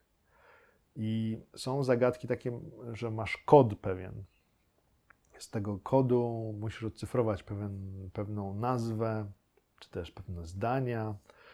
I na, tak, takie tłumaczenie, które by sprawiło, że ten kod będzie działać, to nie była łatwa rzecz. Plus y, jest tam. To jest, uwaga, spoiler. Nie, postaram się powiedzieć jak najmniej dokładnie, jak najbardziej zawoalować to, ale to jest spoiler, więc w razie czego zatkajcie uszy lub ściszcie. Wy też. Tam jest e, klasa pewna, którą dostać możemy tylko rozwiązując szereg zagadek. I ta klasa musi się odpowiednio nazywać, ale musi mieć określoną liczbę znaków i to muszą być określone znaki. I trzeba było ją tak przetłumaczyć, żeby miała tam ileś, ileś znaków i żeby jeszcze miała sens i oddawała znaczenie tej klasy. I to, było, to była zagwozdka. Mam nadzieję, że wyszło. Ale to było. Uch, siedziałem nad tym, rozpisywałem sobie, liczyłem znaki, tu pasuje, to przestawię to tutaj. I w końcu powstała nazwa, słowo, którego nie ma w języku polskim. Wymyśliłem to słowo, ale wydaje mi się, że brzmi dobrze. Brzmi dobrze, odpowiada temu, co to coś robi. A, Enigmatycznie, mam nadzieję, było. A to takie moje gdzieś pomiędzy tym pierwszym a drugim pytaniem, e, ta właśnie Twoja sygnatura, czy uważasz, że to tłumaczenie ma Twoją duszę jakąś, Twoją osobowość? Nie wiem, czy, czy tak jest. Nie sądzę. Bo ja też e, tłumaczyło to sporo osób. Wydaje mi się, że moja, moja sygnatura jest bardziej w takim Bard's Tale albo w Diablo w niektórych miejscach. Ale chyba Tale jest najbardziej tak, takie moje, bo tam w zasadzie tłumaczyłem wszystko i tam są pi- piosenki, które robiłem i To jest tak, gdybym miał powiedzieć, gdybym miał taki tytuł, który to ja, no to chyba byłby, chyba byłby Bardstaj, tak mi się wydaje. A na czym polega ta twoja osobowość tu, tu ma? Ja lubię się bawić słowem bardzo. Lubię, bar, lubię, lubię takie gry słowne i lubię e, ładne kombinacje e, pewnych e, słów, które brzmią nietypowo. Wiesz, ja się wycho- wychowywałem na, na Gałczyńskim, na Brzechwie. Uwielbiam Brzechwę po prostu. I, i to, to jak, jakbym kiedy, na, na Leśmianie, wiesz, gdybym kiedykolwiek doszedł do promila ich umiejętności bawienia się słowem, to byłbym bardzo szczęśliwy. No dobrze. No to ja Ci życzę takiego projektu, który sprawi, że będziesz mógł chociaż w jakimś procencie. E, To byłoby fajnie, to byłoby fajnie. Ale też stać się wy- takim gałczyńskim albo. Nie, nie, nie, stać się, nie, nie, wiesz, ty mierz siły na zamiary, wiesz, i znajdź swoje miejsce, no bez przesady. Do geniuszy, do geniuszy raczej trudno podejść. To, to, to byli, wiesz, mogli mieć swoje wady różne, natomiast byli absolutnymi mistrzami słowa. Gałczyński, Tuwim, Brzechwa, Leśmian, mistrzowie, absolutni mistrzowie słowa i, i, i nie rozpatruję już innych warstw, prawda, bo, bo, bo nie o to chodzi. Byli mistrzami słowa i gdybym cień maestrii taki osiągnął kiedyś, to byłbym bardzo zadowolony. Ale są też inne rzeczy w życiu. Trzeba szukać w różnych kierunkach. Trzeba dbać też o inne rzeczy niż tylko osiąganie maestrii w jednym kierunku. Można szukać jej w wielu miejscach. Zgadza się. To jest dobry moment, żeby zakończyć. My życzymy Ci właśnie spełnienia w Twoich pasjach, wielu, e, żebyś się ze sobą dobrze czuł i żebyś nadal robił to, co kochasz. Dziękuję bardzo. I wy też.